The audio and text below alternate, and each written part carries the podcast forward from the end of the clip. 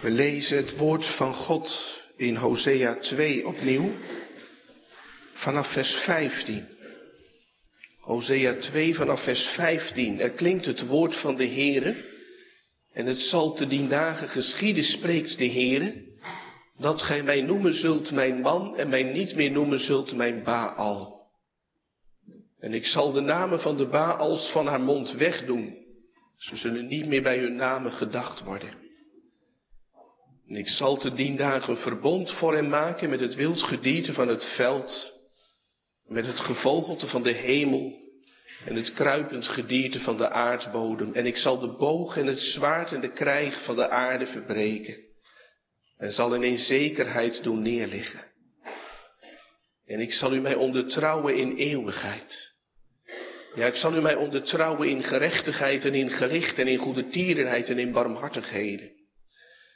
En ik zal u mij ondertrouwen in geloof en gij zult de Heere kennen.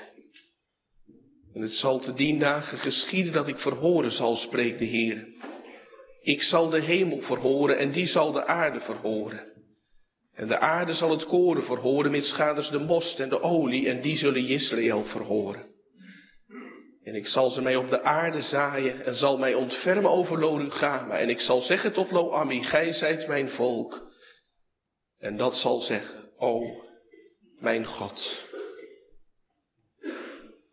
Tot zover het woord van de Heere voor deze avondmaalsdienst. De tekst voor de prediking vormen de versen 18 en 19. Hosea 2, 18 en 19, daar klinkt het woord van de Heere. En ik zal u mij ondertrouwen in eeuwigheid. Ja, ik zal u mij ondertrouwen in gerechtigheid en in gericht en in goede tierenheid en in barmhartigheden.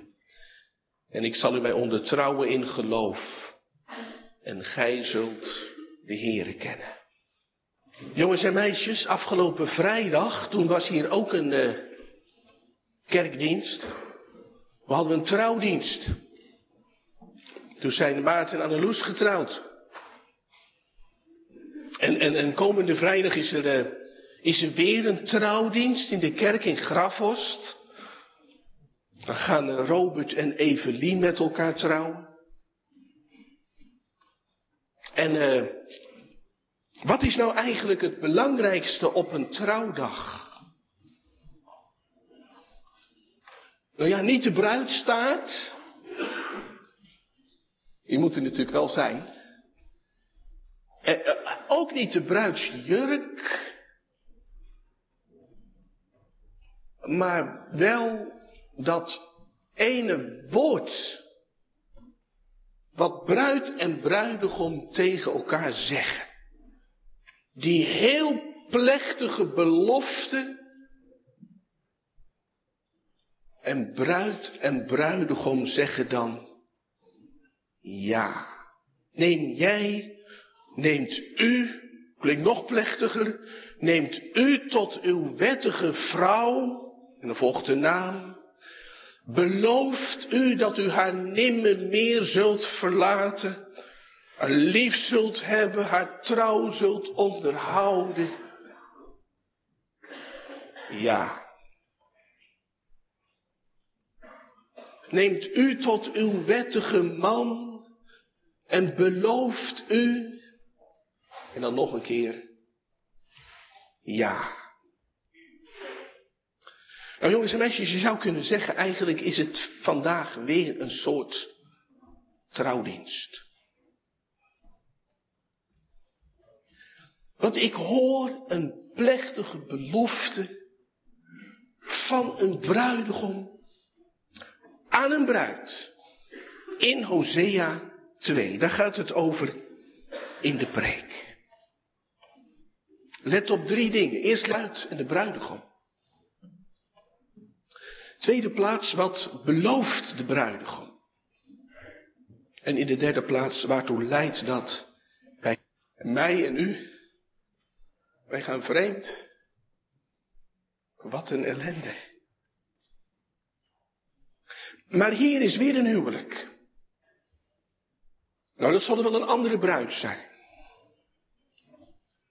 Nee, het is dezelfde. Israël is nog steeds Gods grote liefde. De Heer is weergaloos trouw. We hebben dat vorige week gelezen, dat de Heer zijn volk zal lokken als in de woestijn. Om tot het hart van zijn volk te spreken, om zijn bruid terug te winnen. Zo trouw is God. En dan zegt God niet, nou zand erover, maar God zegt bloed erover. Want het ging over dat dal van Agor. Als een deur der hoop. Waar het gericht wordt voltrokken. Waar de ban uit het volk wordt weggedaan. Zodat het volk het beloofde land binnen kan. In de dagen van Hosea hoor ik de dreiging van de ballingschap.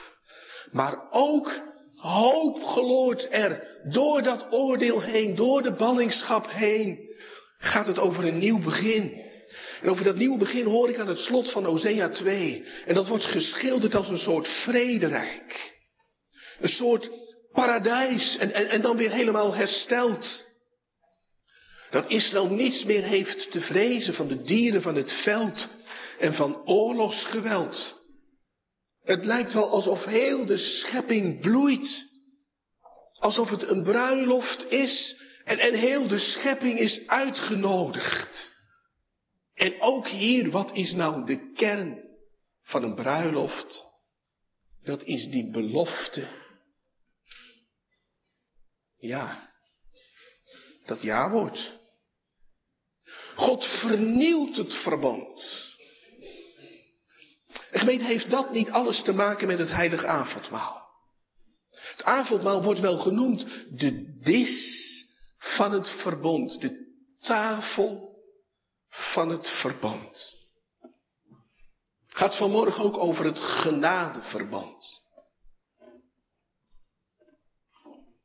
Door het geloof mag je worden ingelijfd bij Israël. Als God met het evangelie van zijn liefde in je leven komt. En als je dan iets ontdekt van hoe je zelf in elkaar steekt, vijand van de genade. En dat leert beamen, maar dan ook ontdekt, God was in Christus de wereld met zichzelf verzoenende, hun zonden hun niet toerekenende. Dan mag je bij dat verbond gaan horen. Maar dan kom je erachter, en ik geloof vast als je de Heere kent en dient, dat u dat herkent ook. Dat je na ontvangen genade ook zo vaak vreemd gaat. En dat je moet zeggen, ook vanmorgen van mijn kant, ik heb het verknoeid. Misschien is dat de conclusie die u ook in de voorbereidingsweek hebt getrokken. Dat je zei, nou heb ik negen weken geleden beleidenis gedaan. Wat is er nou eigenlijk van mijn jaarwoord terechtgekomen? Of dat je al langer geleden had beloofd dat je God zou liefhebben boven alles. er zijn zoveel dingen die ook zo belangrijk zijn in je leven. Of dat je die strijd hebt te voeren met je boezemzonde en je struikelt zo vaak. Of dat je het al zo moeilijk vindt om te vertrouwen op Gods vaderlijke leiding met je leven. Waarom gaat God deze weg met mij? En dan klinkt die boodschap van God is liefde. En je betrapt jezelf erop dat je ook zo vaak denkt, maar die geboden van God, die zijn zo zwaar. Als je al die zwakheid en al die gebreken in je leven ontdekt, dan kan dat je de moed benemen om aan het heilige avondmaal te komen.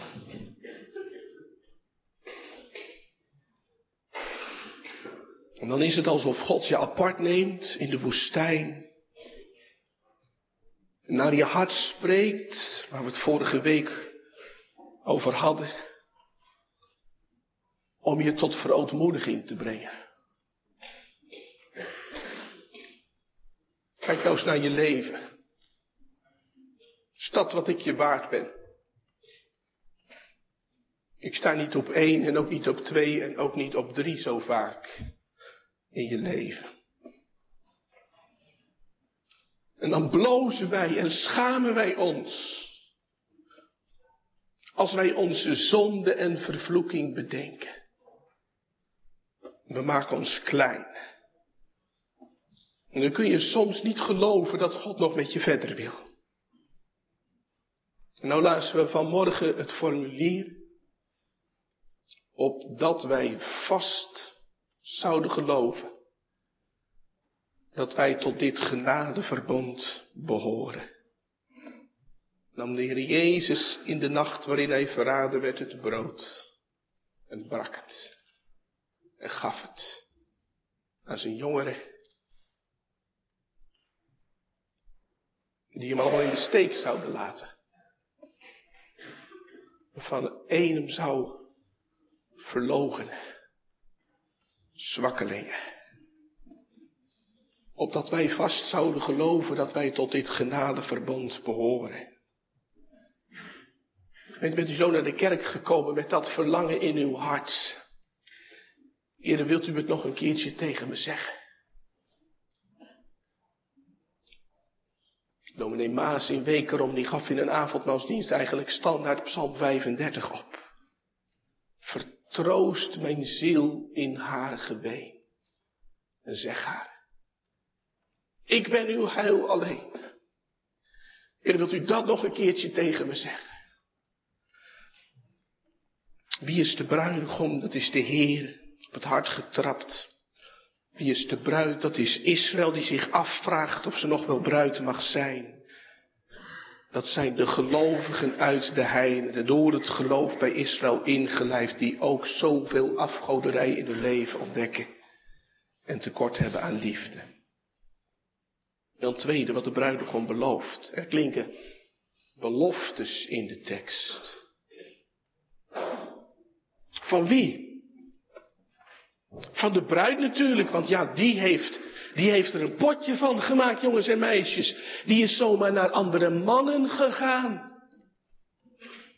Dan gaat die bruid natuurlijk beloven nou.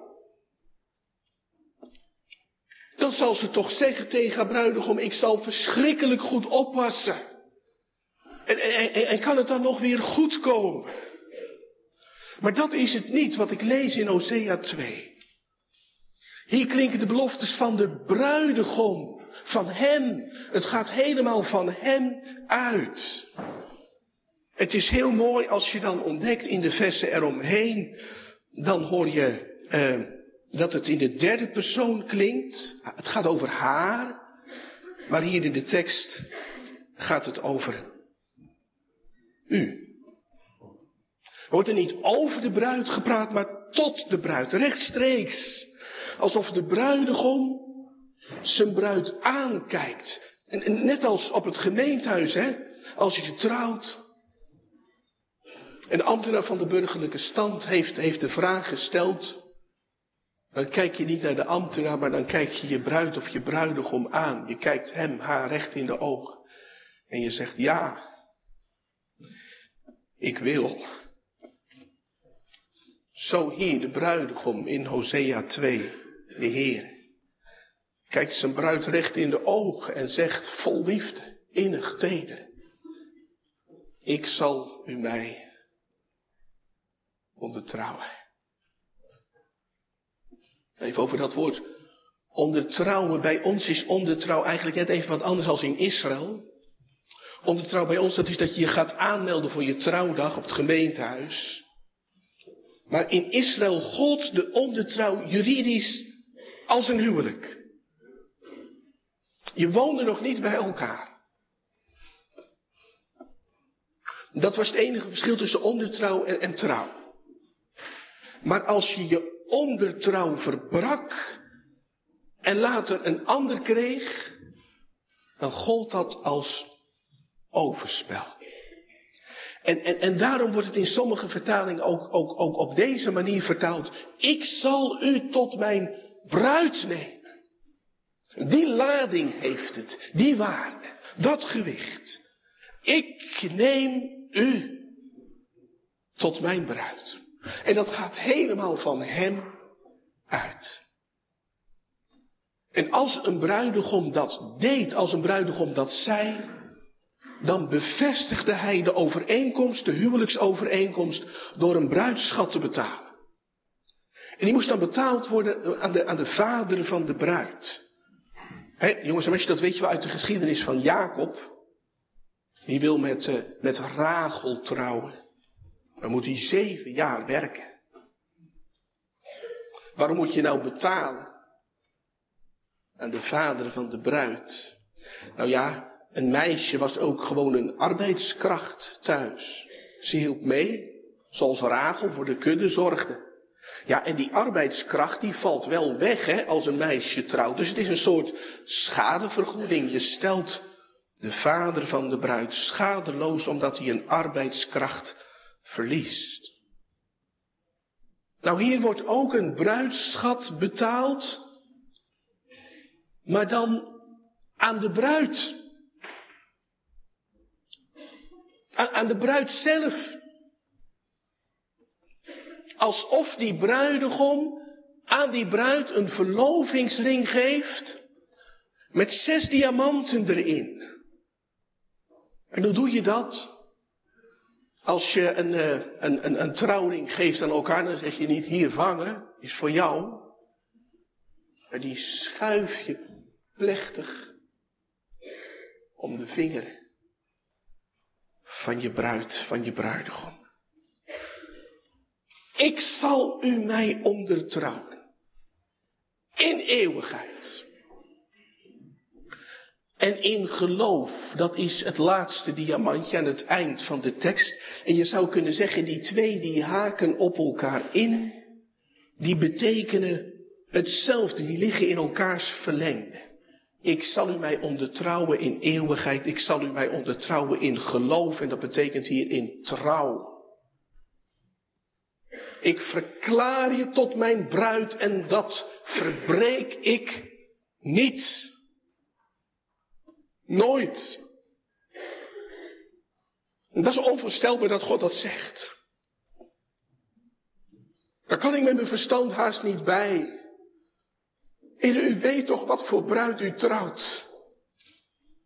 Zwak van moed. Klein van krachten.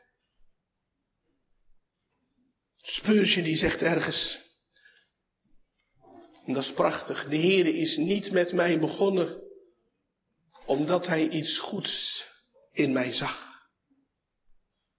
Daarom zal hij ook niet met mij stoppen, omdat hij iets kwaads in mij ziet. Dat is onze redding.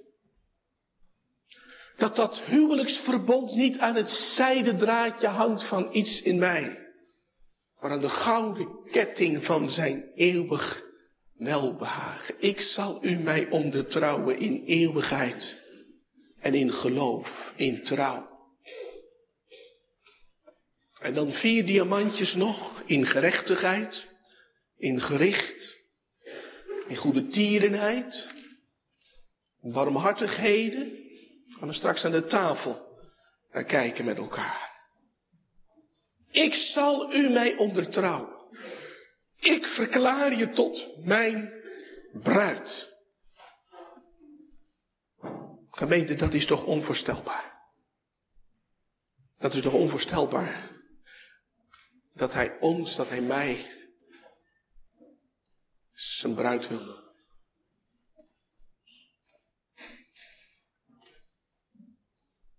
Vroeger was het zo dat een bruid alleen in het wit trouwde als ze maagd was nog.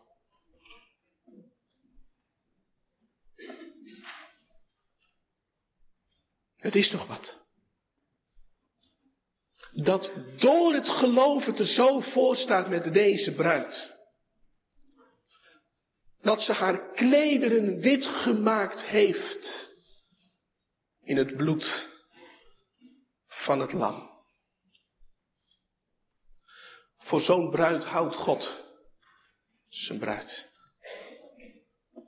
U weet wel, dat is zondag 23. Hoe ben ik rechtvaardig voor God? Mijn geweten klaagt me aan dat ik tegen alle geboden van God zwaar heb gezondigd. Niet ene van gehouden, nog steeds tot alle boosheid geneigd. Als ik mijn jurk bekijk, dan is die pikzwart. Ja, deze letterlijk, maar ik bedoel die figuurlijke jurk, die bruidsjurk. Pikzwart. Niks wit. Maar op grond van de verdiensten van Christus, dan wordt het even als had ik nooit zonde gehad of gedaan. Ja, als had ik zelf alle gerechtigheid volbracht. Die Christus voor mij volbracht heeft, in zoverre ik zulk een weldaad met een gelovig hart aanneem. Dan zeg ik, het is door u. Door u alleen. Dat kan ik niet snappen. Misschien dat het er daarom ook wel drie keer staat. Ik zal u mij ondertrouwen. Want dat, dat kwartje, dat, dat, dat, dat, dat, dat, dat, dat valt niet meer, is het echt. Ik zal u mij ondertrouwen. Als, als, alsof bruid en bruidegom in het gemeentehuis staan voor de ambtenaar van de burgerlijke stand. En de bruidegom zegt, ja, ik wil. En de bruid kijkt haar aan, wat zeg je nou? Meen je dat? En hij zegt het nog een keer, ja, ik wil. Ik kan het niet geloven, zegt de bruid. En dan nog een keer. Ik neem jou tot mijn bruid. Hij heeft God zijn belofte gedaan. En, en, en, vaak is het dan zo dat er twee keer een ja-woord klinkt. Hoe is dat in Hosea 2? Moet de, moet de bruid ook nog wat zeggen? Dat is wel waar wij naar op zoek zijn, hè? Wij willen vanmorgen ook wat zeggen. Wij willen vanmorgen ook wat bijdragen. Heer, nou zal ik vanmorgen ook eens wat beloven. Nou zal ik vanmorgen ook eens wat doen. Nou zal ik me vanmorgen ook eens wat voornemen. En nou zal ik ook eens wat op tafel leggen. Maar God vraagt geen bijdrage. Hij vraagt uw bijval. En gij zult de Heere kennen. De Heere kennen, dat, dat, dat is dat woord voor omgangskennis. Hè? De Heere kennen, eren, dienen, liefhebben, vrezen, voor een buigen. Hoe ziet dat eruit? Nou ja, misschien zijn dat wel heel kenachtig de woorden aan het slot. Dat de bruid zegt tegen de bruidegom. O, mijn God. Gemeente, dat is avondmaal vieren. Dat is stamelen van verwondering. Niet ja, maar, maar ja en amen op dit evangelie. Of is het anders bij u? Dat je zegt, ik, ik, weet, ik weet niet waar God het over heeft. Wat is daar nou bijzonder aan? Wat is er mis met mij? Of misschien zegt u wel, ik blijf liever nog een poosje alleen. Blijf liever geestelijk single. Gemeente, als u alleen blijft, als u alleen sterft, ben je tot in eeuwigheid alleen. Hoe zullen wij ontvlieden als we op zo'n grote zaligheid geen acht slaan? Bent uw hart aan de Heere kwijtgeraakt? Gij zult de Heere kennen. Wat laat de Heere zich vanmorgen kennen? Hij laat zich kennen in de tekenen van brood en wijn. Hij komt ons verzekeren van zijn hartelijke liefde en trouw jegens ons. En hoe meer ik hem leer kennen, hoe meer ik hem lief krijg, hoe meer verdriet ik krijg over mijn gebreken, over mijn afvoereren, hoe meer verlangen om tegen mijn ongeloof te strijden. Gemeente, bent uw hart kwijtgeraakt aan de Heer, omdat u ontdekte wat Hij u wil schenken. wat hij nou voor u over heeft, die ook zijn eigen zoon niet gespaard heeft, maar hem voor ons al heeft overgegeven. Wat hij ons weggeeft, hoe zal hij ons ook met hem niet alle dingen schenken? En wat hij met ons voor heeft, zalig zijn zij, die geroepen zijn tot het avondmaal van de bruiloft van het lam. Als je dat op je in laat werken en staat op de tekenen van Christus liefde, dan kun je alleen maar zeggen, oh, mijn God, waarom hebt ge mij verkoren? Waarom was het op mij gemunt? Wij hebben Hem lief, omdat Hij ons eerst heeft lief gehad. Amen.